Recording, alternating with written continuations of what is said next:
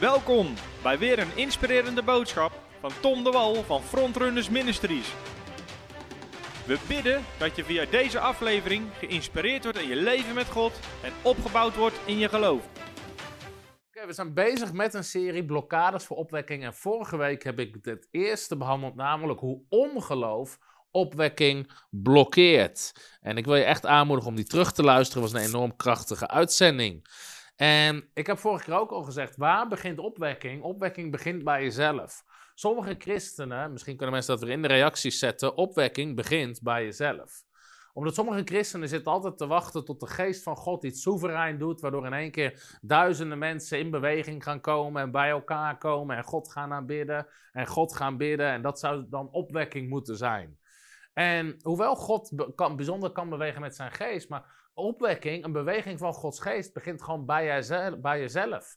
En ik heb vorige week ook gezegd, iedereen die Gods woord gelooft en doet, ziet opwekking in zijn of haar leven. Dan heb je een persoonlijke opwekking. Want op de plekken waar jij komt, worden, komen mensen tot geloof, leren mensen Jezus kennen, worden mensen vervuld met de Heilige Geest. Uh, worden mensen genezen? Worden mensen bevrijd van demonen? Worden mensen gedoopt in water? Dan is er opwekking, een beweging van Gods geest door jou heen, overal waar jij komt.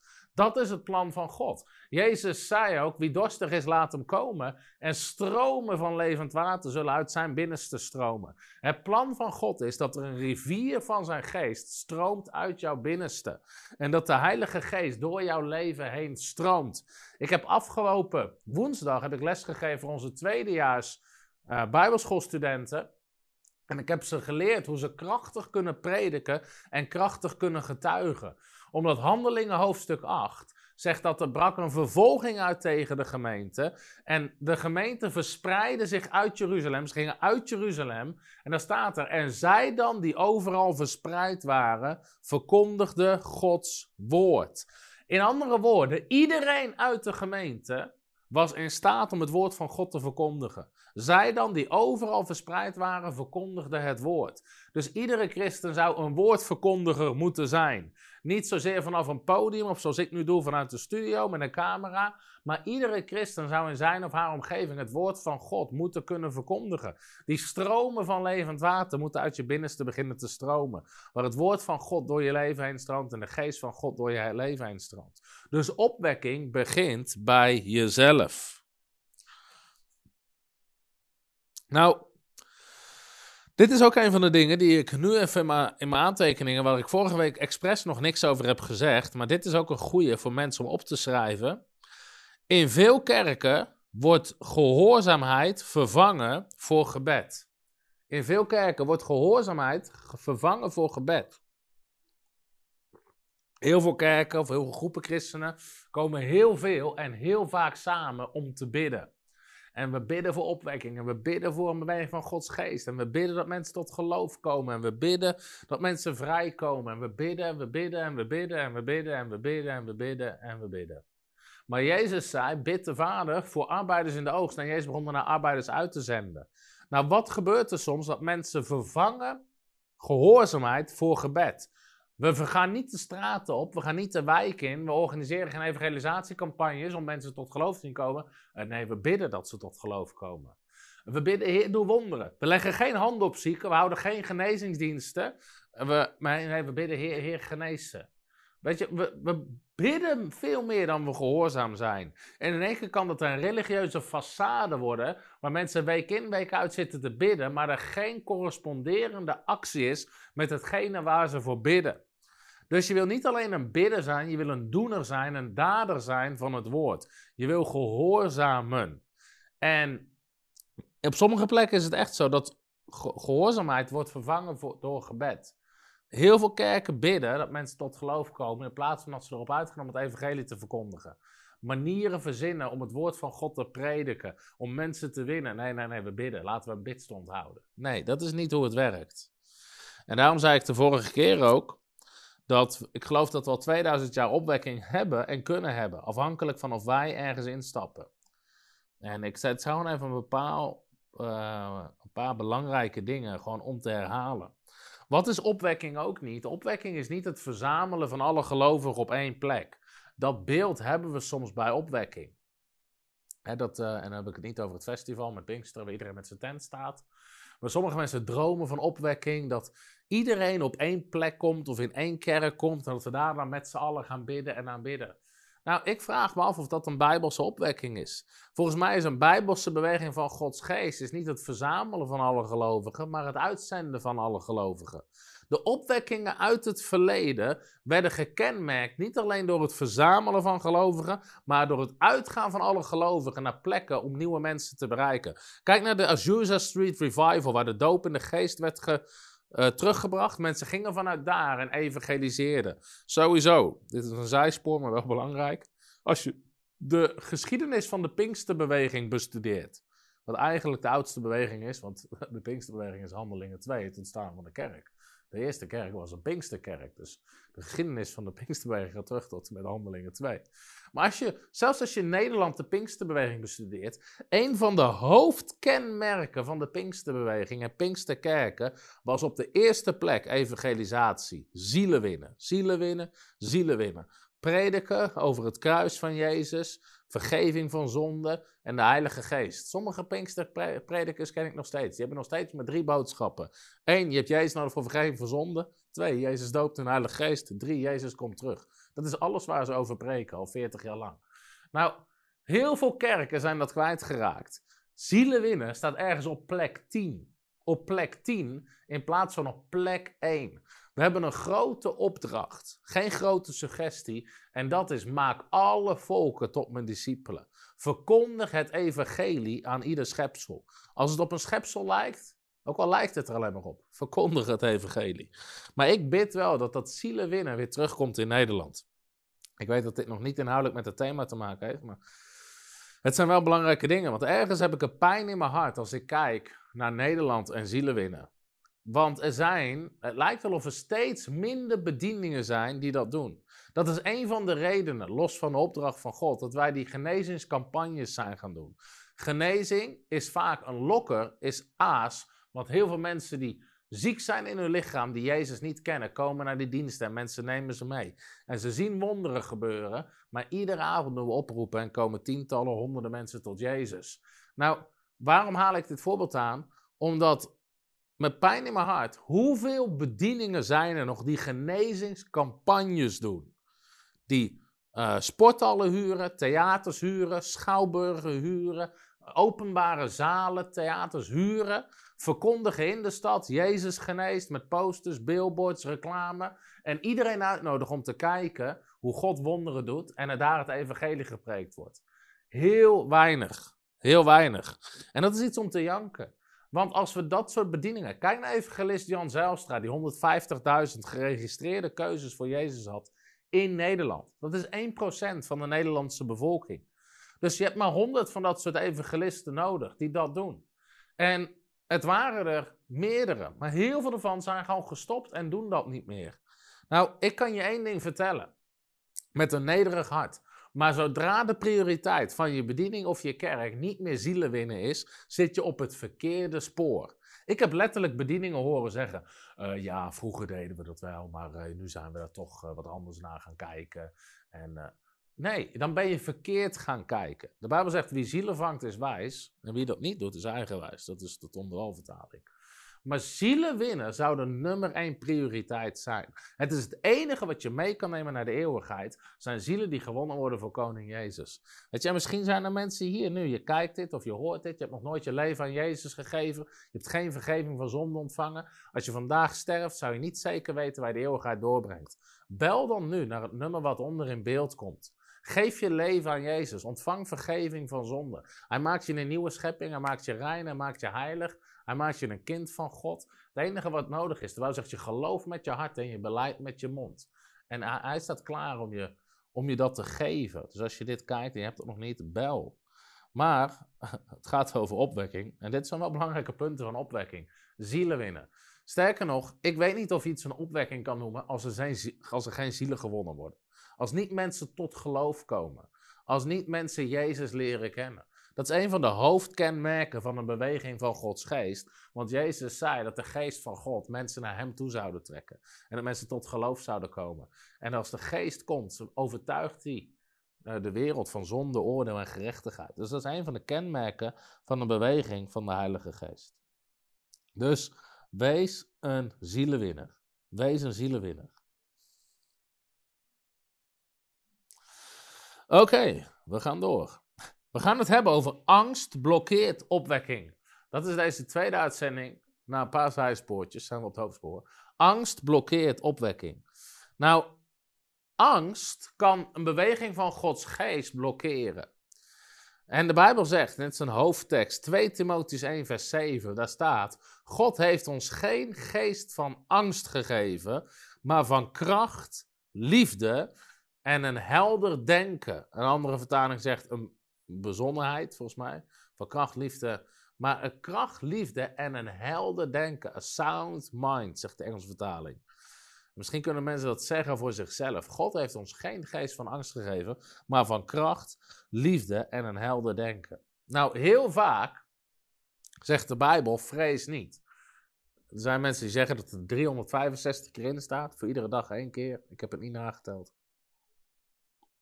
Maar het staat er vaak in. Ontzettend vaak. Vrees niet. Nou, dit is ook iets wat je op mag schrijven. Iedere angst heeft een bron en die bron is een leugen. Iedere angst heeft een bron en die bron is een leugen. Achter iedere angst in iemands leven, daar zit eigenlijk een leugen, waardoor je bang bent. Want God heeft gezegd, wees niet bang. Wees niet bang. Daar gaan we straks nog wat dieper op in. Op in. Maar ik wil ook kijken of we dit keer een korte, krachtige uitzending kunnen doen. Nou, wat zijn verschillende bronnen van angst dat een beweging van Gods geest in jouw leven kan blokkeren? En ik ga er ook voorbeelden bij geven. En op twee wil ik echt de nadruk leggen. Nummer één, mensen kunnen gewoon persoonlijke angsten hebben. Dus ik heb het over verschillende bronnen van angst. Mensen kunnen persoonlijke angsten hebben in hun leven. En soms worden die, komen die persoonlijke angsten zelfs vanuit familie. Uh, dat iedereen in de familie dat heeft, of dat dingen overgedragen worden. Maar soms hebben mensen een bepaalde angst om dingen te doen, wat een beweging van Gods geest blokkeert. Weet je, er zitten mensen te luisteren en je zit in een kerk waar je niet zou moeten zitten. Je zit in een kerk waar weinig leven is, of waar helemaal geen leven is. En je weet dat er plekken zijn waar een beweging van Gods geest is, maar je blijft zitten vanwege angst. Uh, ja, maar mijn oom en tante zitten ook in deze kerk, mijn ouders zitten ook in deze kerk, iedereen zit in deze kerk, dus wat als ik.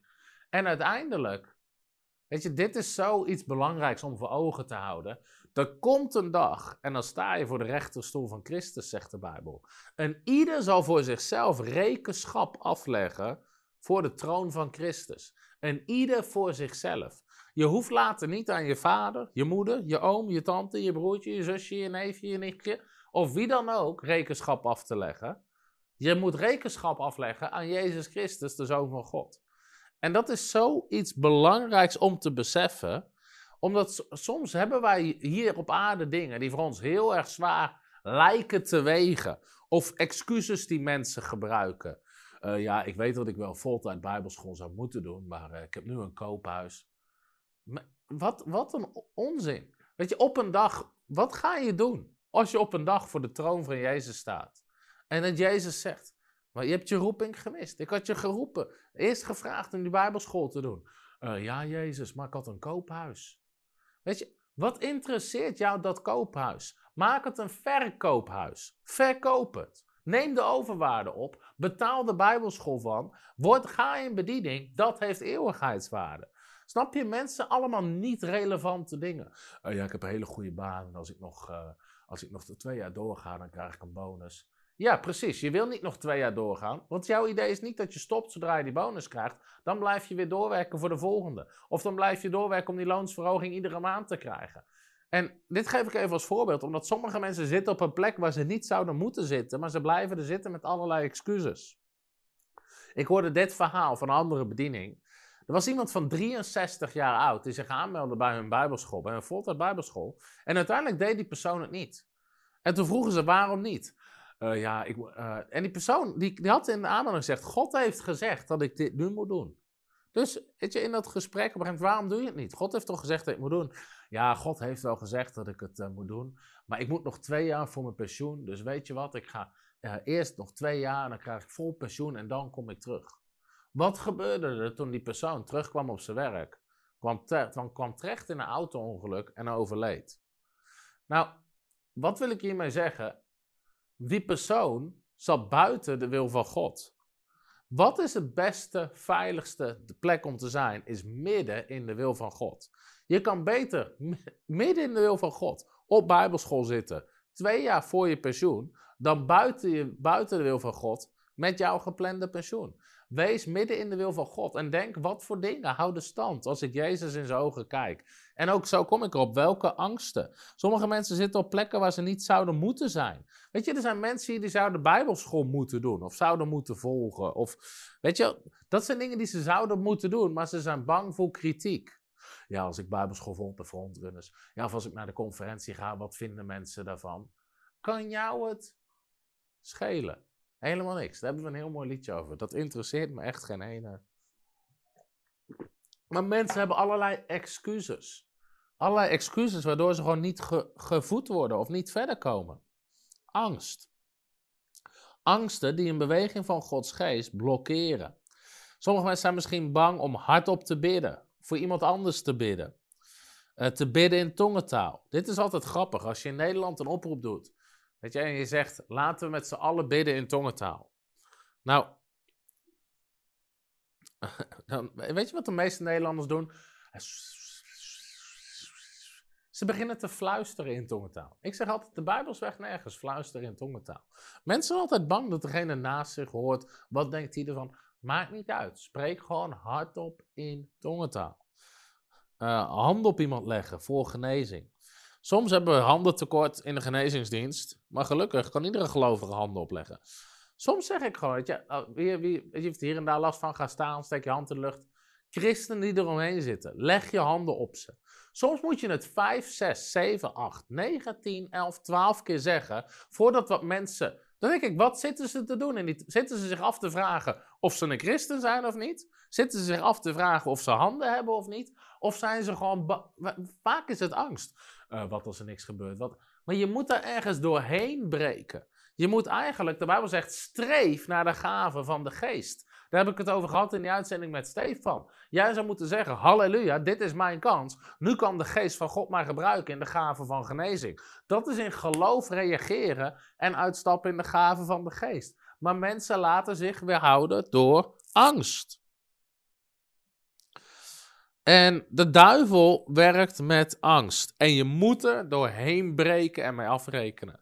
In Handelingen 4 staat ook dat ze kwamen bijeen om te bidden. En ze baden, Heer, vul ons met vrijmoedigheid. Geef ons de vrijmoedigheid om uw woord te prediken. Nou, boldness. Je hebt een vrijmoedigheid en een stoutmoedigheid die over je heen komt als de Heilige Geest over je komt. Waarom? Je hebt een geest van kracht, liefde en een helder denken. Kracht, liefde en een helder denken.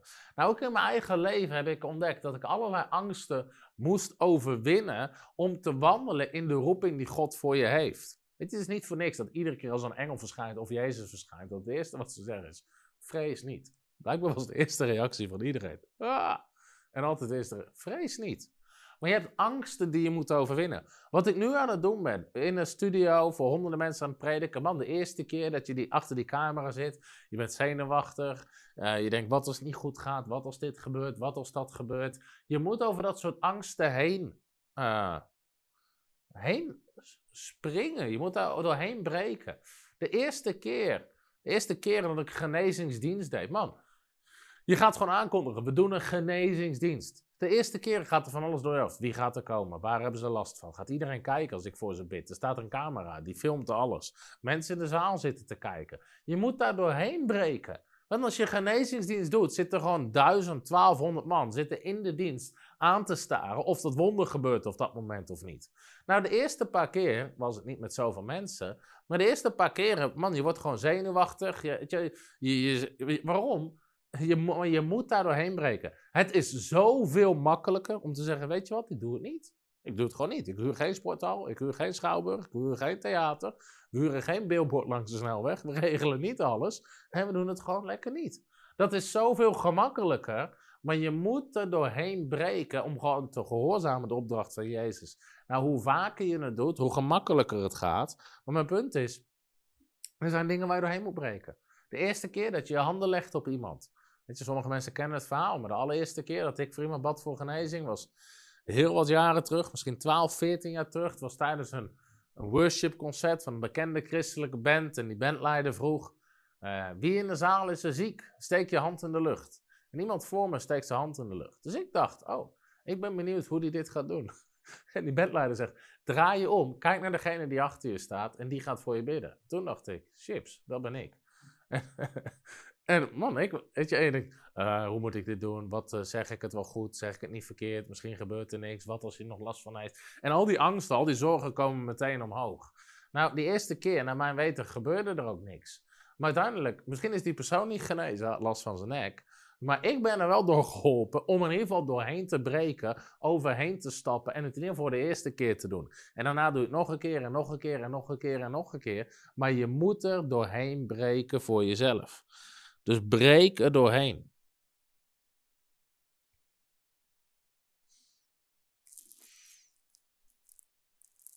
Nou, soms, sommige mensen zit angst zelfs in hun familie.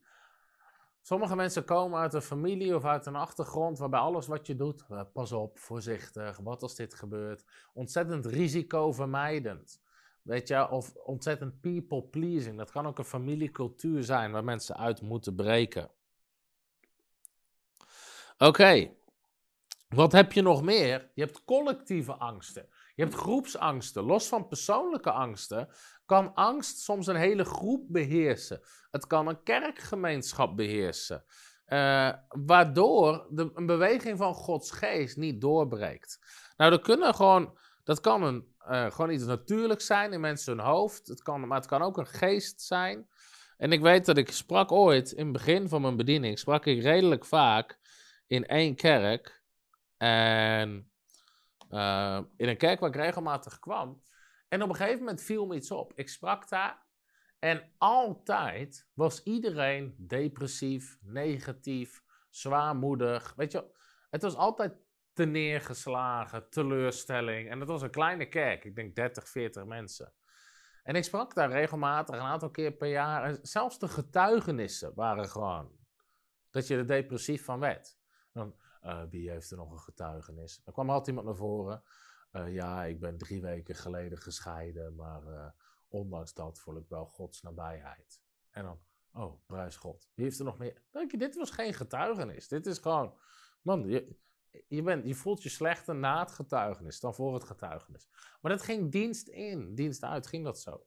Dus op een gegeven moment stond ik daar in een dienst en ik moest spreken. En toen zei ik, heer, wat is er aan de hand? En in de geest liet God me een draak zien. En uh, een geestelijk wezen. En ik wist gewoon, het is een geest van nederlaag. Die hele, het is een geestelijke macht die gewoon nederlaag en verlies en neergeslagenheid op die hele kerk legt. En het houdt iedereen in zijn grip. En het is een, een, denken, een denkwijze en een leefwijze waar iedereen in wandelt. En toen dacht ik, deze dienst ga ik zo hard als ik kan overwinning preken. Dus ik gooide mijn bestaande preek aan de kant. Want ik, nu ik openbaring had, dacht ik, dit, je, dit is de boodschap. Dus ik sprak over overwinning. Alle teksten, weet je, uit het boek Openbaring constant. Aan hem die overwint, zal ik geven. Hem die overwint. Het boek Openbaring is aan overwinnaars. Prijs God, we zijn meer dan overwinnaars. Gewoon overwinning. Met Jezus ben je een overwinnaar. God zij dank die ons altijd doet overwinnen. Je hoeft, geen, je hoeft niet te gaan van teleurstelling naar teleurstelling. Je kan gaan van overwinning naar overwinning. En ik predik de overwinning en hoe mensen overwinning kunnen.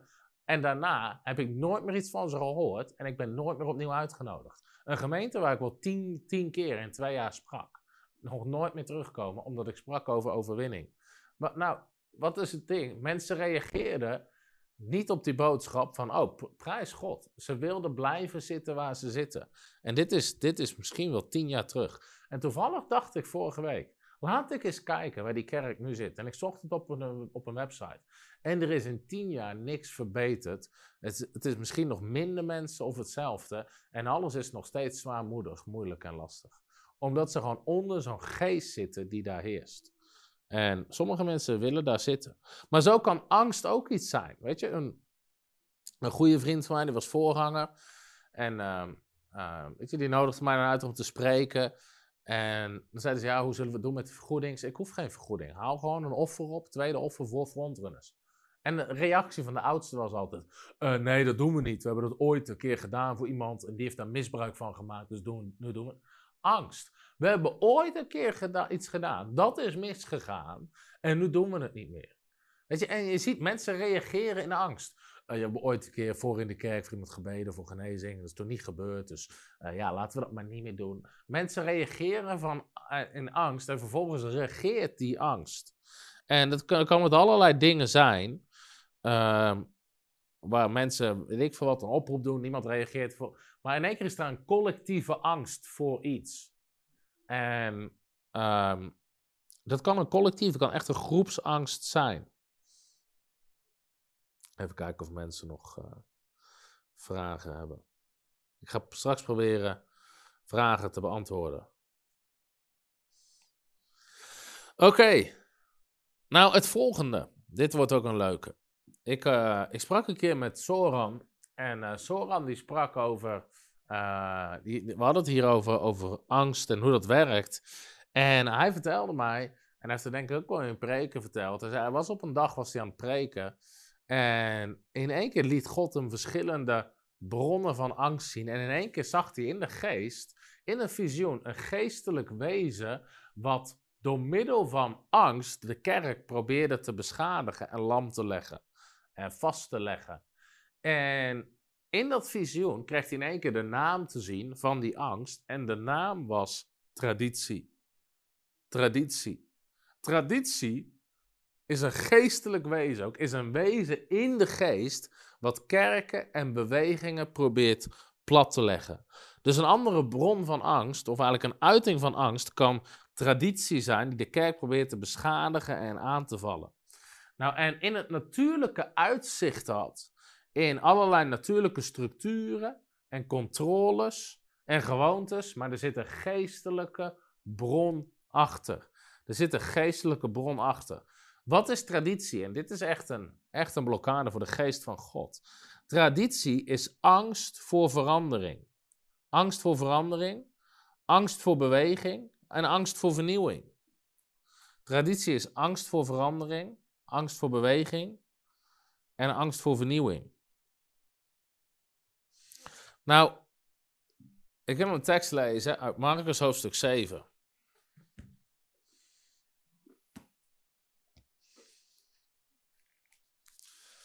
Hebben we toch een tekst gelezen. In Marcus 7 spreekt Jezus tegen de Fariseeërs. Even kijken waar het is. Vers 13. Ga je alleen vers 13 lezen? Daar lezen we. En zo maakt u, zegt Jezus, Gods woord krachteloos door uw overlevering, andere vertaling zegt door uw tradities die u overgeleverd hebt. De letterlijke betekenis van traditie ook overleveringen. En veel van dergelijke dingen doet u. Door uw tradities maakt u het woord van God krachteloos. Door uw tradities maakt u het woord van God krachteloos. Nou, er kunnen allerlei tradities, allerlei gewoontes zijn, allerlei overleveringen zijn in kerken en groepen wat de werking van Gods geest blokkeert.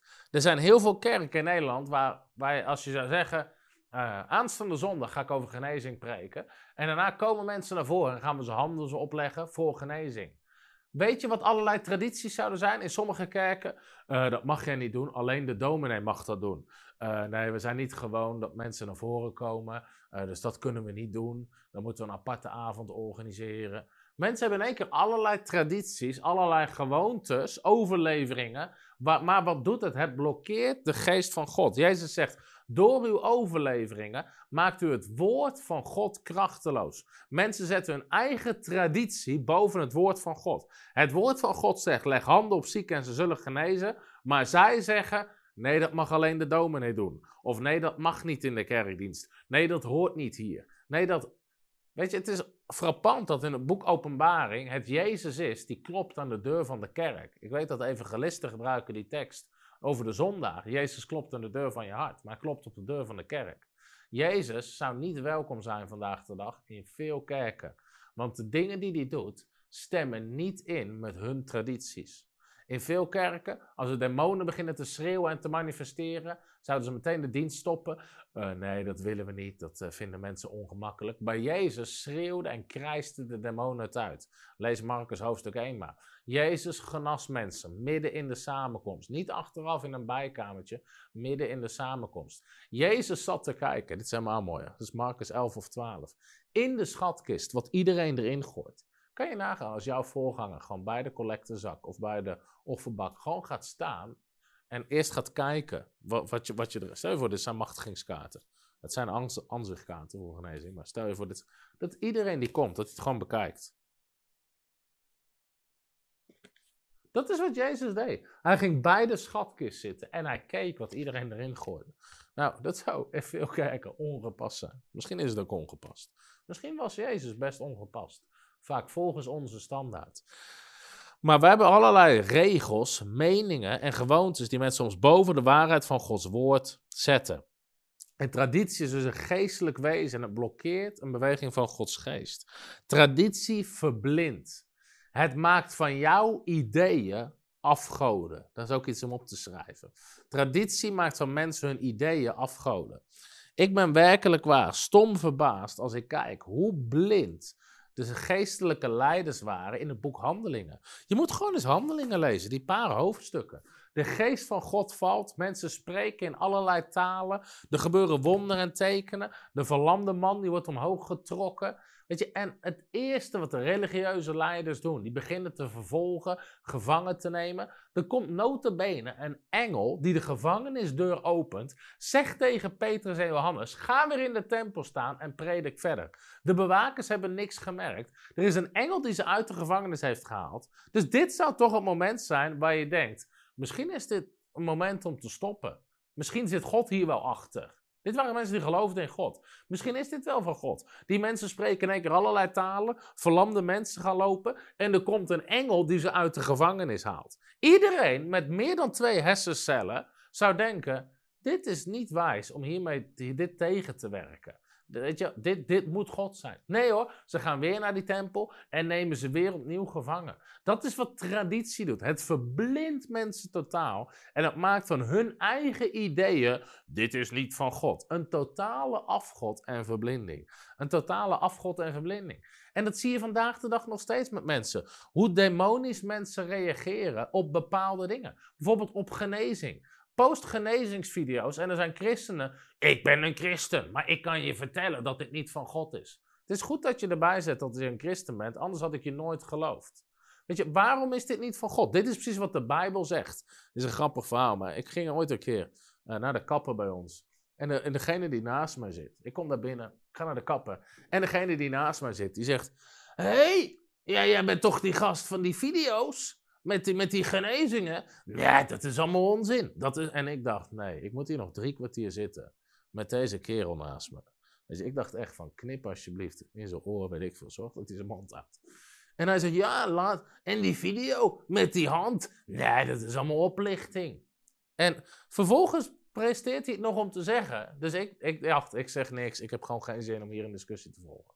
Totdat hij me triggerde en zei: Ja, ik ben zelf ook christen. Ik zei: Jij bent christen? Amma Oh, ik zeg: Heb je ooit wel eens je Bijbel gelezen?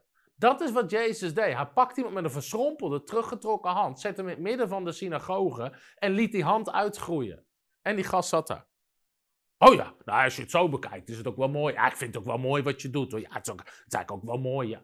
Weet je, in één seconde draaide die om.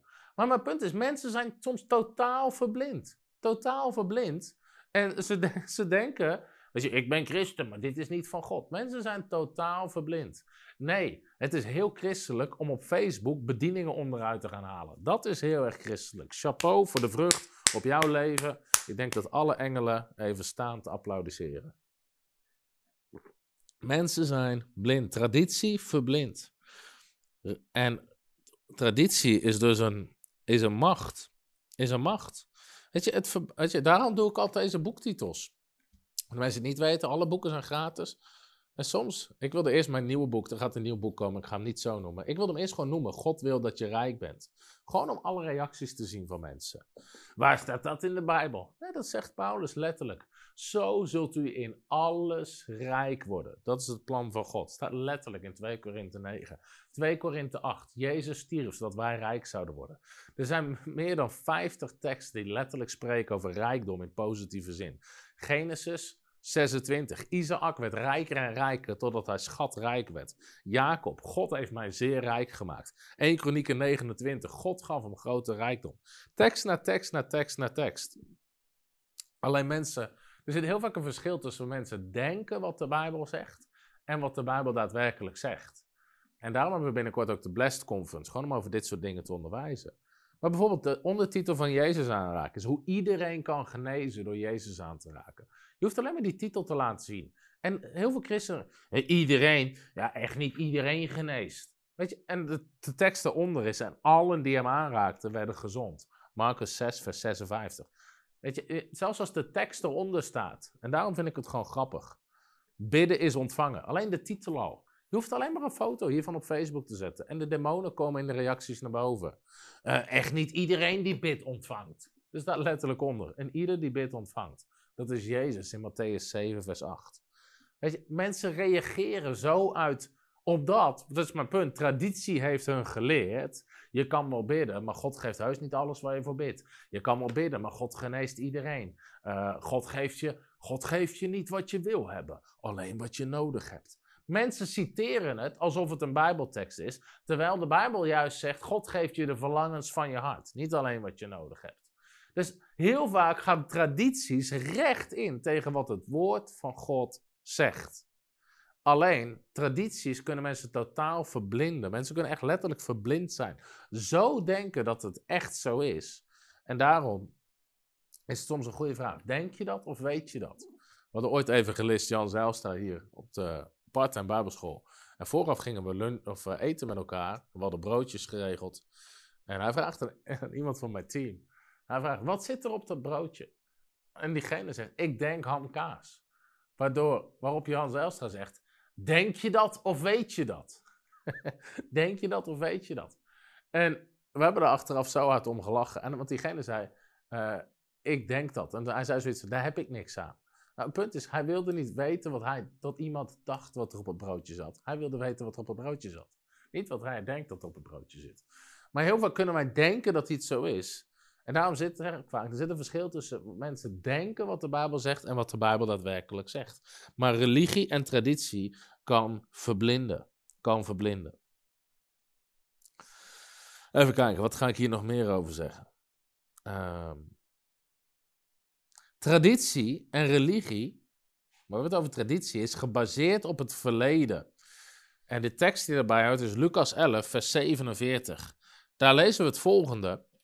En ik lees hem even voor vanaf mijn iPad. Lucas 11, vers 47. Wee u, want u bouwt de grafmonumenten voor de profeten, maar uw vaderen hebben hen gedood. Daar spreekt Jezus wederom tegen de Farizeeërs. Hij zegt: Wee u, want u bouwt grafmonumenten voor de profeten, maar uw vaderen hebben hen gedood. Nou, wat zegt Jezus? De Farizeeërs waren helemaal fan van de profeten. Ze kenden de geschriften uit hun, uit hun hoofd. Ze konden over Elia, Elisa, Jeremia, Jezaja, Ezekiel. Weet je, al die geschriften en al die profeten vonden ze fantastisch. En ze bouwden hele monumenten daaromheen. Ja, Oh, prachtig, hè? Ja, zo mooi, zo mooi. Wat een man van God. Alleen wat zegt Jezus? Uw vaderen hebben hen gedood. Maar die zegt eigenlijk, waar hij mij zegt, joh, jullie hebben ze gewoon zelf gedood. Nu achteraf vind je het prachtig, maar als je toen geleefd had, had je gewoon meegeholpen om ze te doden. en om ze te vervolgen en om ze tegen te werken. En het was ook zo in de tijd van Elia en Elisa en Jezaja en Jeremia. Achteraf vonden mensen de verhalen verschrikkelijk, maar terwijl ze leefden hadden de meeste mensen een rothekel aan ze en aan de boodschap die ze brachten. Nou, dit is in Nederland net zo. Als je verhalen vertelt over een Smith Wigglesworth, weet je, die doden opwekte en mensen genazen, weet je, dan zeggen mensen, oh ja, nee, dat is zo gaaf, Smith Wigglesworth. Ja, nu, nu die dood is, vinden ze hem geweldig. Nu die dood is, vinden ze hem geweldig. Maar de meeste mensen hadden, hadden hem bijna gehaat toen hij nog leefde. Want hij was knetterhard tegen mensen en knetterradicaal. Weet je, de dingen die hij vandaag de dag zei, als, als je die nu zou zeggen, zoals ik ze soms zeg, sta je in iedere krant, op ieder platform, op ieder dit. Weet je, en nu achteraf vinden mensen de verhalen geweldig. Ook van een John G. Lake. En weet je, dat soort verhalen vinden mensen geweldig. Maar als ze toen geleefd hadden, hadden ze het waarschijnlijk verschrikkelijk gevonden. Nou, hetzelfde, je zou het nog dichter bij huis kunnen brengen, om het zo maar even te zeggen. Heel veel mensen vinden nu achteraf christenen Jezus geweldig. Maar als ze toen geleefd hadden, hadden ze nooit zijn discipel kunnen zijn. Want dat lees je namelijk constant. Dat Jezus de lat heel hoog legt. Zeggen mensen, Heer, laat me u volgen. Uh, maar eerst dit, of eerst dat, en eerst zus. Of jij zegt, verkoop alles wat je hebt en volg mij dan. Nou, hoeveel zouden echt aan die opdracht voldoen? Oké, hier gaan we. Verkoop alles wat ik heb. Ik maak al mijn bankrekeningen leeg en dan volg ik u. Nou, hoeveel mensen zouden daar echt aan voldoen? Nu vinden ze het geweldig. Oh, mooi, het verhaal van de rijke jongeling. Maar wat als jij die rijke jongeling was, waar Jezus het tegen had gezegd? Wat als jij die ondernemer was met zijn schepenbedrijf, die Jezus zei, laat alles achter je en volg mij. Als jij een ondernemer bent en Jezus zegt nu, leg heel je bedrijf neer, verkoop alles en, en volg mij. Geef alles weg. Zouden we het dan doen? Nu vinden we het geweldig. Nu zeggen mensen, oh ja, de grote apostel Paulus en de Romeinenbrief en de Filipijnse brief. Maar als je Paulus een brieven leest, zegt hij heel vaak: Allen hebben mij verlaten. Niemand is bij mij. Iedereen in Azië heeft zich van mij afgekeerd. Tegen de Filippenzen, als je nu vandaag de dag zou vragen, bijvoorbeeld. Wie zou partner worden van de bediening van Paulus? Financieel partner. Paulus zijn bediening ondersteunen. Zou iedereen denken: oh ja, nee, dat is een geweldige kans. De grootste apostel ooit financieel ondersteunen. Maar Paulus schrijft naar de Filippenzen. Hij zegt: Ik heb geen één andere gemeente die mijn deelgenoot is in de rekening van uitgaven en ontvangst. Filippenzen hoofdstuk 4. Dus nu zie je weer hetzelfde. Nu zou iedereen het fantastisch vinden, maar toen was er maar één gemeente die het deed. En dit zie je heel vaak. Dus mijn punt is gewoon: het is, dat is iets wat traditie kan doen, is dat we het verleden verheerlijken. En dat we juist tegen wat nu gebeurt, dat we dat tegenwerken. Heel veel mensen zouden zeggen, uh, ja nee, als Jezus nu op aarde is, dan zou ik partner worden van zijn bediening. Jezus is nu op aarde in de vorm van de bedieningen die hij nu geroepen heeft. Word dan partner van iets wat Jezus nu doet. Weet je, mensen hebben altijd excuses. Derek Prins zei, die vergelijkt het met een oude golf die op het strand stroomt en die stroomt terug de zee in en die werkt een nieuwe golf tegen. En Derek Prins zegt dan, zo'n oude golf wil je niet zijn.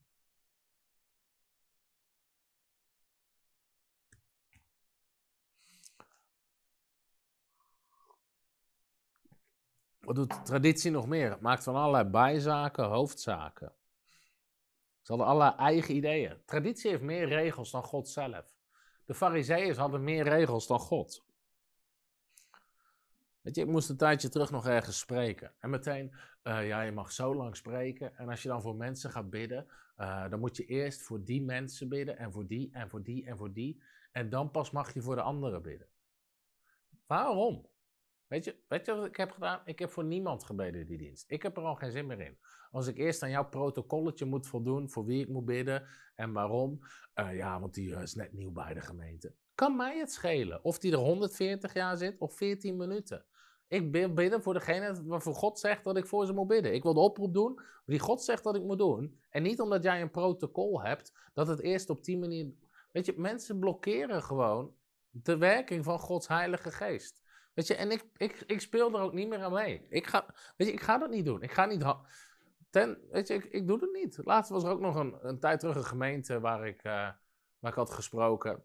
En uh, uh, ja, zou je aan het eind een algemeen genezingsgebed willen uitspreken over de zaal, dan kunnen we toch zeggen dat je voor genezing hebt gebeden.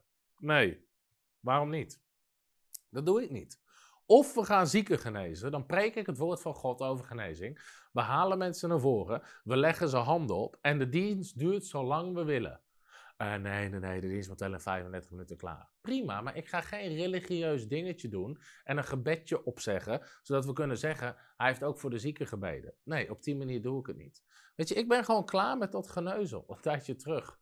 Toen, er was nog, was, misschien was het dezelfde dienst, waar iemand vroeg, een van de oudsten vroeg, zou je voor die en die persoon willen bidden?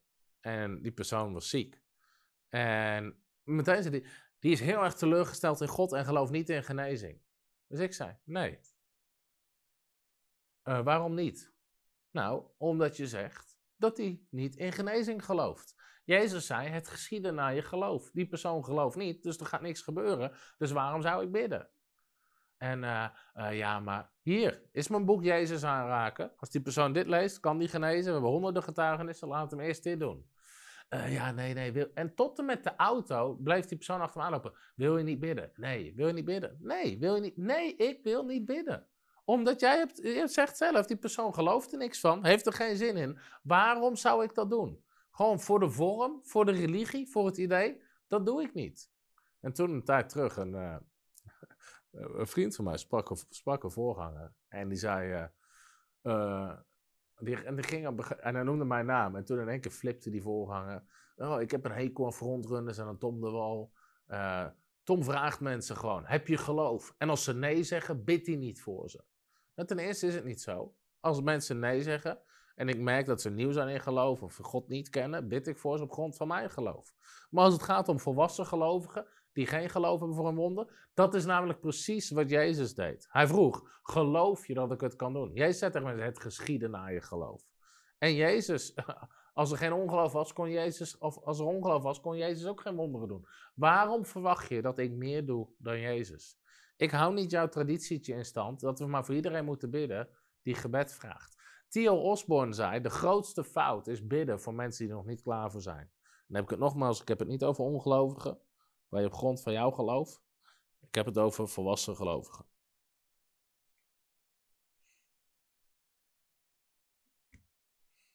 Oké.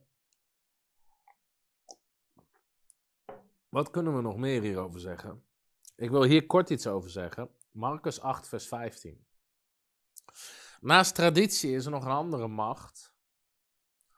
En in Marcus 8, vers 15 lezen we: Jezus waarschuwde hen en zei: Pas op, hoed je voor het zuurdesem van de Fariseeën en voor het zuurdesem van Herodes. Nou, Jezus waarschuwt hier: hoed je voor het zuurdesem van de Fariseeën en het zuurdesem van Herodes. Nou, Fariseeërs is traditie en religie, zegt Jezus, pas daarvoor op. Maar hij waarschuwt ook voor het zuurdesem van Herodes. Waar heeft hij het dan over? Over de politieke macht. Zoals angst werkt met traditie, werkt angst ook met politiek. Er kan een geest van politiek zijn in een kerk, in een groep, in een, in een organisatie, een politieke geest. En ook dat blokkeert een opwekking van Gods geest. Want wat doet een politieke geest? Een van de hoofdkenmerken is controle en positie. Politiek wil controle en positie. Nou, zodra allerlei dingen worden gecontroleerd, werkt het niet in de geest van God. Ik heb uit de grond van mijn hart medelijden met heel veel voorgangers in Nederland. Die gewoon marionetten zijn van een kerkbestuur die ze op de loonlijst heeft gezet. En uiteindelijk een kerkbestuur met iemand die niet gezalfd is door God, met iemand die gewoon er zelf in positie is gekomen. Weet je in hoeveel kerken gewoon de mensen die het meeste geven in de oudste raad zitten? De mensen die de meeste vriendjes kunnen winnen, zitten in de oudste raad. De mensen die de mooiste glimlach hebben, zitten in de oudste raad. In plaats van mensen gevuld en gezalfd door de geest van God. En bovendien geloof ik niet dat een oudste raad of een kerkenraad een voorganger in dienst moet nemen. Ik geloof dat de voorganger de leidende bediening zou moeten zijn. Maar dit zie je constant in Nederland en het is een grove schande. Dat volgens de statuten neemt dan een bestuur of een, uh, een kerkbestuur of een financieel orgaan neemt de voorganger in dienst en de voorganger is gewoon een marionet. En ze blijven die voorganger gebruiken om op hun feestje te dansen, net zolang tot het hun uitkomt en het hun goed gaat. Maar als de voorganger zegt, dit is de kant die we opgaan en de voorganger kiest voor een bijbelse kant, vanaf nu gaan we handen op zieken leggen om te genezen, vanaf nu gaan we geloofsdoop doen, vanaf nu gaan we dit doen, vanaf nu gaan we dat doen. En in één keer, er is een van de oudsten die er tegen is. En die gaat twee andere, drie andere krijgt hij achter zich. En ze ontslaan die voorganger. Iedere voorganger die in zo'n systeem zit, mijn advies is: stap eruit. Stap eruit. Zorg dat je of volledig mandaat krijgt, of stap eruit. Ik heb het nog nooit goed zien gaan. Ik heb altijd zien gebeuren dat die voorganger vroeg of laat ontslagen wordt en als je pech hebt met teleurstelling thuis komt te zitten. En ik weet dat niemand erover spreekt en daarom spreek ik er maar over. En dan heb je ook nog organisaties in Nederland die zogenaamd komen om te bemiddelen. En het enige wat ze doen is opnieuw de statuten voorlezen. Alsof de rest in groep 2 zit en nog niet kan lezen. En ze lezen gewoon nog een keer op wat de statuten zeggen. Maar het probleem is, de statuten zijn niet in lijn met het woord van God. Je wil iets bouwen op een Bijbels systeem. Maar er is zoveel controle en positie. Eigenbelang. Dat is ook iets. Wat echt een kenmerk is van de politieke geest, is eigenbelang boven waarheid of rechtvaardigheid zetten. Nou, hier waarschuwt Jezus op. Pas op voor het zuurdesem van Herodes. Eigenbelang boven waarheid of rechtvaardigheid zetten. Mensen zijn bezig met eigenbelang en eigen posities. Ik zou je voorbeelden over kunnen geven in bediening, maar ik weet niet of mensen er heel vrolijk van worden. Maar het gebeurt veel. Politiek correct gedrag. Politiek correct gedrag. Ik ga een voorbeeld geven van toch van de bovenstaande. Ik ben het grondig oneens met bepaalde christelijke nieuwsplatformen in Nederland. Die het enige wat ze doen is bekritiseren, afzeiken, uh, uh, dingen proberen onderuit te halen, soms negatief spreken. En weet je, je kan er allerlei mooie benamingen over geven. Uh, het is gewoon een opiniestuk. Iedereen mag zijn mening geven. Weet je, je kan er van alles en nog wat van zeggen. Maar ik geloof niet dat het is wat de Bijbel zegt wat je, wat je moet doen. Namelijk opbouwen, bemoedigen, aanmoedigen. Weet je, maar je hebt allerlei van dat soort platformen die allerlei dingen onderuit proberen te krijgen. Ontzettend cynisch zijn, wereldse gedachten, goede opschrijven. Weet je, en er zijn soms, weet je, dat is een van de redenen dat ik er vanaf begin af aan, principieel, ook niet toen ze, en ik ga geen namen noemen, maar in het begin probeerden ze ons te paaien. Oh, wat heb je een mooie bediening. En Misschien dat het daarom heel snel klaar was, de samenwerking, voordat die begonnen was. Je hebt zo'n mooie bediening. Wij willen jou graag helpen om jouw boodschap uit te dragen. Dat was wat ze ons mailden. En mijn antwoord terug was: Jullie zijn helemaal niet geïnteresseerd om mij te helpen om mijn boodschap uit te dragen. Jullie willen gratis content voor jullie platform om het op te vullen. En zodra je een mes in mijn rug kan steken, doe je dat. Dat was het antwoord en daarna heb ik nooit meer wat van ze gehoord. Maar dat is wat, dat, dat zie je, politieke geest, manipulatieve geest. Uh, we willen jou helpen. Je wil mij helemaal niet helpen. Weet je, ook, weet je hoeveel journalisten ons schrijven? Uh, we willen jou helpen om jouw kant van het verhaal te doen. Als ik mijn kant van het verhaal wil doen, zet ik deze, deze camera aan en doe ik mijn kant van het verhaal. Je bent helemaal niet geïnteresseerd in mijn kant van het verhaal. Jij wil weer een artikel schrijven waar je een of andere gore titel boven kan zetten, zodat iedereen erop klikt en je geld verdient met je advertenties. Demon. Dat is wat mensen willen. Maar dat is hier een politieke geest. Ze zijn niet eerlijk. Ze zitten te manipuleren. Ze zitten, zo, nou kom ik weer terug op het vorige verhaal. Daarom werk ik principieel niet mee aan dat soort nieuwsites. Weet je, ook toen bepaalde uh, sommige bedieningen werden daar helemaal afgezeken. Toen ik dat zag en dacht, weet je, als dit is hoe je omgaat met mannen, vrouwen van God, bedieningen die God geroepen heeft, wil ik nooit met je geassocieerd worden. Nou, maar wat doen andere bedieningen? Daarom zeg ik eigen belang boven waarheid of rechtvaardigheid. Ik weet nog waar ik ben. Weet je, die in één keer, weet je wel, die, die, sturen, die sturen mij appjes, berichten. Oh nee, dat kan echt niet. Hoe zouden jullie schrijven? Of weet je, dat ze dit doen. En vervolgens, vier weken later, zitten ze zelf op dat platform interessant een interview te geven. Weet je, mensen zeggen op de achtergrond, het kan echt niet. Maar zolang ze zelf in de belangstelling kunnen staan, zitten ze er weer op. En dat is een politieke geest. Dat is een politieke geest. En er is maar één manier. Je moet daar gewoon keihard mee afrekenen. Politiek correct gedrag. People pleasing. Weet je hoeveel christelijke leiders? Toevallig hoorde ik gisteren nog. Ik sprak iemand uit ons team. En het ging even over hoe mensen soms van buitenaf naar frontrunners kijken. En die sprak veel christenen die niet bekend zijn. En een van de dingen die mensen tegen hem zeggen is van... Ja, ik weet het niet met frontrunners. Weet je, zij zijn de enigen die die boodschap van voorspoed preken. En daar conferenties over doen. Dus dan kan het niet waar zijn. Anders zouden alle, als het Bijbels zou zijn, zouden alle anderen er ook over spreken. Nou, en het grappige is dus dat ik appjes heb. Meerdere leiders of mensen die ik spreek zeggen: uh, Ja, we geloven precies hetzelfde wat jij doet, maar we preken het niet. Want dan krijgen we gezeur. Of dan, ja, dan verliezen we onze achterban. Of dan dit. Of dan. Uh, nee, we noemen het maar anders, want dat snappen mensen beter. Nou, ten eerste vraag ik me af of je hetzelfde gelooft wat ik geloof. Als ik kijk naar je leven, niet. Maar daarnaast, dat is de politieke geest. Ja, ik geloof het wel zo, maar ik zeg het niet. Weet je, dat is politieke geest. Toevallig stond er nou toch bezig met voorbeelden. Deze week stond er een artikel in de krant, iemand stuurde het naar me door, over een christelijke leider die iedere kerk, bediening en voorganger opriep om duidelijk te zijn in zijn standpunt over homoseksualiteit. Waar sta je? Hoe sta je erin? En er stond iets bij, je moet heldere of klare wijn schenken, je moet gewoon duidelijk zijn. En die interviewer vroeg, uh, wat is uw standpunt? Uh, nou, mijn standpunt, uh, ik heb niet echt een standpunt, dat wordt beslist door het landelijke leiderschap. Politieke geest. Hoe blind moet je zijn om een heel artikel te schrijven over dat iedereen duidelijk moet zijn? En als mensen jou vragen wat jouw standpunt is, dat je meteen in je broek pist en niks durft te zeggen.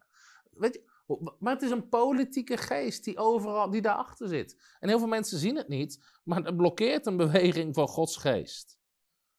Politiek correct gedrag. Bang voor de menigte, bang voor mensen. Weet je, en dat is een van de redenen dat soms zeggen mensen over frontrunners, over. Uh, of ik zeg ook, waar, waarom zijn we soms zo direct of waarom zeggen we dingen? Omdat ik heb ook heel vaak tegen God gezegd, ik heb geen zin om het aan te gaan passen. Ik wil gewoon zeggen wat ik wil zeggen. Ik wil gewoon Gods woord preken. En als het mensen niet aanstaat of mensen willen het niet, als je de kat tegen zijn haren instrijkt, mag de kat andersom gaan zitten. Weet je, en dan zou het zelfs het einde van frontrunners betekenen. Heb ik met meer liefde en plezier dat het het einde van frontrunners zou betekenen, wat het niet doet, dan dat ik me aan ga passen naar wat mensen verwachten of mensen willen, of iets politiek correct is. Het interesseert me geen ene of het politiek correct is. Het interesseert me of het in lijn is met het woord van God. Op een dag sta je voor de troon van God om verantwoording af te leggen. Niet voor al die mensen die er iets van gevonden hebben. Dus of we zeggen het zoals het is, of we stoppen ermee. Maar we gaan er niet tussenin zitten. Absoluut niet. Politieke geest. Politieke geest.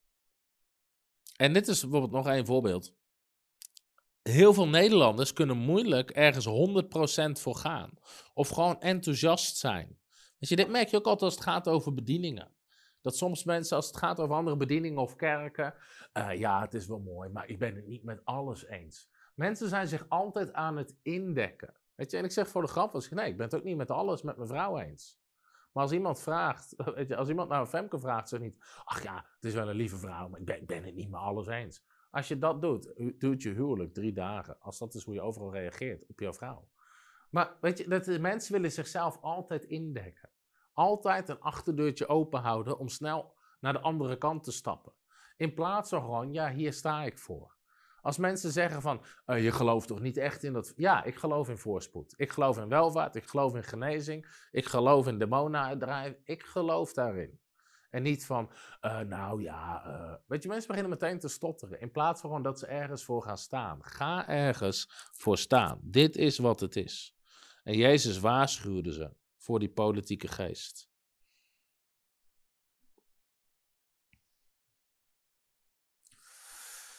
Nou, hoe reken je ermee af met politiek en traditie? En dit is eigenlijk vijf woorden. Alles wat je tolereert, domineert. Alles wat je tolereert, domineert. Dus alles wat jij toestaat. Soms zeg ik dit ook tegen, tegen kerkleiders. Wat jij toestaat, alles wat jij tolereert, domineert. Alles wat jij toestaat, wordt groter, groeit. Dus sommige van die dingen moet je gewoon hard confronteren. Moet je hard op ingrijpen. Ook als kerkleider, maar misschien ben je een huisgroepleider. Of, proberen mensen in je eigen leven invloed. Ga er niet aan meedoen, want alles wat tolereert, domineert. Als mensen eenmaal in dat politieke systeem zitten, eenmaal in die sluis zitten, is het heel moeilijk om daaruit te komen. En dus dat wil je niet. Je moet dat gewoon confronteren. Dat is met alles. De angsten waar ik over heb gesproken, die een beweging van Gods geest kunnen blokkeren. Persoonlijke angsten, groepsangsten, uh, traditie, politiek. Confronteer het, tolereer het niet. Ook niet in je eigen leven. Als je merkt dat angst omhoog komt, zeg gewoon: God heeft me geen geest van angst gegeven. Ik ga niet mee met angst. Zodra iedereen om je heen angst begint te praten. En wat als? En wat dan? Angst, dat je gewoon zegt: Ik ga hier niet mee, dit is angst. Ik werk niet van angst. God heeft me geen geest van angst gegeven. Reken af met angst. Reken af met angst. Dat is de conclusie. Oké, dat was het onderwijs voor vandaag. Dan ga ik nog een keer, even voor de mensen die later zijn aangehaakt, dat er een hele hoop zijn. We hebben een heel gaaf cadeaupakket um, voor mensen die of nog niet bekend zijn met genezing, of misschien ken je mensen in je omgeving die ziek zijn. We hebben een heel mooi pakket wat je nu aan ze kan geven. En dat kan je bestellen op totaalgezond.frontrunners.nl. En je ziet daarachter zie je dat rood-zwarte uh, vlak met God wil dat je gezond bent. Dat is een cadeauverpakking. Dat is een doos waar het in komt. En in die doos zit Jezus aanraken. God geneest altijd een hardcover versie. Schild van geloof. En dan zitten deze tien kaarten erin die ik hier in mijn hand heb. En het zijn hele mooie wenskaarten met mooie teksten erop. Geen ziekte of onheil zal bij jou in de buurt komen. En er zitten allemaal mooie beeldkenmerken in. En op de achterkant kan je een mooie bemoedigende boodschap schrijven. Of schrijven dat je voor iemand bidt. Of weet je, misschien kan je zo'n tekst gewoon geven aan iemand. Zegt, weet je, gewoon, dat is gewoon hoe simpel je het woord kan zaaien. Hier gewoon opzetten. Ik zou graag voor je willen bidden. Laat me weten wanneer het uitkomt. En je stuurt zo'n tekst op naar iemand die ziek is. Met het pakket erbij. Um, we hebben hier een, een kaart door jouw geloof ontvang je de genezende kracht. Hele mooie kaart. Jezus, jouw heelmeester en geneesheer. Nou, we hebben dit pakket om nieuwe mensen te bereiken met genezing. Dus we gaan het uh, als marketing, ik weet, het klinkt een beetje fout inzetten, maar op allerlei kanalen voor mensen die nog niet bekend zijn met de boodschap van genezing. Maar als jij al bekend bent met frontrunners en de boeken, kan je het ook bestellen. Zeg je nou, hé, hey, ik wil alleen die kaarten hebben, die staan binnenkort ook in onze webshop. Misschien staan ze er al in, ik heb niet gekeken, maar anders komen ze begin nou, of komen ze deze week of begin volgende week erin. Deze is ook leuk. God zal je hele ziekbed, en staat omgekeerd, omkeren en veranderen. Tekst staat Psalm 41, vers 4. Nou, weet je hoe makkelijk het is om gewoon, als we het nu hebben over uitstappen, dat gewoon hierop te schrijven. Als je, iedereen kent iemand die ziek is, ergens last van heeft. Ik zou graag voor je willen bidden. Ik geloof dat God een wonder wil doen. En je zet gewoon, laat me weten wanneer het uitkomt. En je stuurt iets op naar iemand. Weet je, je zaait het woord, je geeft een uitnodiging en zo kan je ontzettend makkelijk mensen bereiken. Ook een hele mooie kaart. God zal alle ziekte uit je leven verwijderen. Exodus 23, vers 25. Dus het zijn mooie kaarten, het is goede kwaliteit, mooie wenskaarten. En uh, die kan je dus bestellen in dat pakket, maar ze komen binnenkort ook gewoon in onze webshop waar je ze, uh, waar je ze kan bestellen. Gewoon zodat we mensen ermee kunnen bereiken. Dus daar wil ik je heel erg voor uitnodigen. En ik wil je ook echt van harte, van harte, van harte uitnodigen voor de Blessed Conference. Ik ervaar echt in mijn geest dat het een bijzondere conferentie gaat worden. 14 tot en met 17 december. Een van die avonden wil ik bijvoorbeeld gaan spreken over de komende financiële crisis. En hoe Gods kinderen juist kunnen en horen te floreren.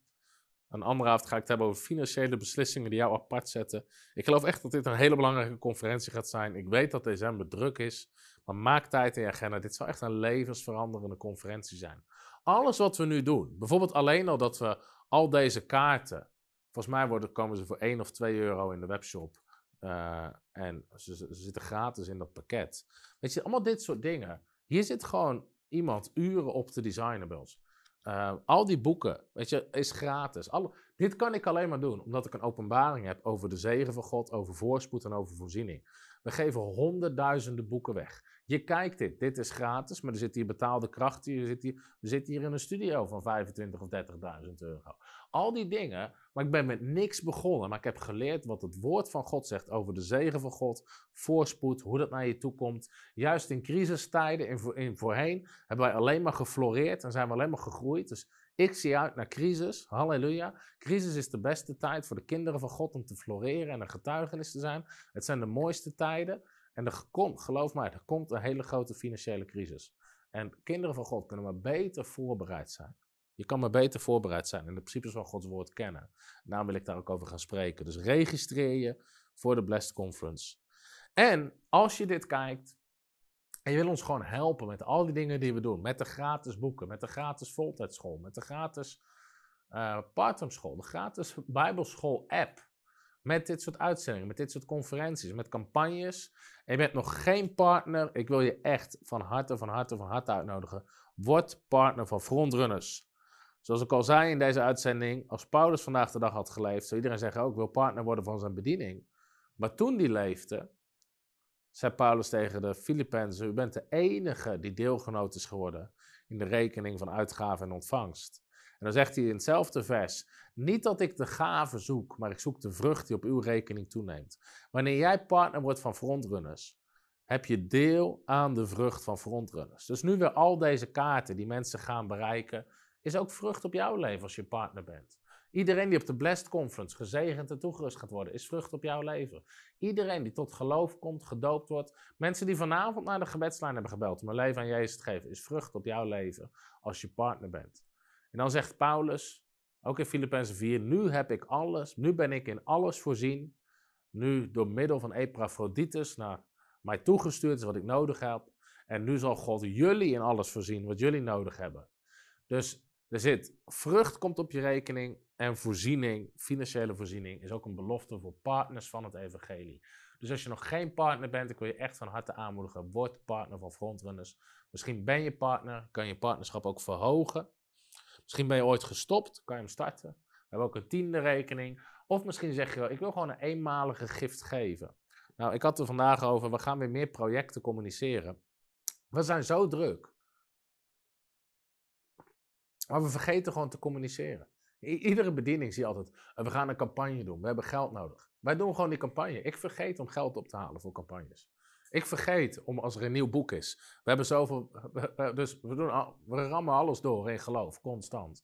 Maar we willen wat meer gaan communiceren. Wil je gewoon te laten weten van hé, hey, we gaan hier een campagne doen. Wil je, wil, je, wil je meebouwen? Wil je geven? We gaan dit boek uitbrengen. Wil je geven? We gaan hier dit doen. Wil je geven? Omdat we doen zoveel. Dat we zoveel projecten. We willen mensen gewoon meer en meer de kans geven ook om mee te bouwen. Oké, dankjewel iedereen voor het kijken. God zegen. En uh, tot de volgende keer. Hallo, Tom de Wol hier en bedankt dat je weer geluisterd hebt naar onze podcast. Ik bid dat het je geloof gebouwd heeft en je bemoedigd bent. Als je niet alleen een luisteraar van onze boodschap wil zijn, maar ook een verspreider daarvan, wil ik je uitnodigen om partner te worden van Frontrunners. Door jouw maandelijkse donatie help je ons om dit evangelie van Jezus Christus en het woord van God over heel de aarde te brengen. Om partner te worden, ga naar www.frontrunnersministries.nl slash partners en word partner. Hartelijk bedankt en tot snel. Heb je ook zo genoten van deze inspirerende boodschap van Tom de Wal? Abonneer je dan op deze podcast. Volg ons op Facebook en op Instagram en kijk op onze website frontrunnersministries.nl.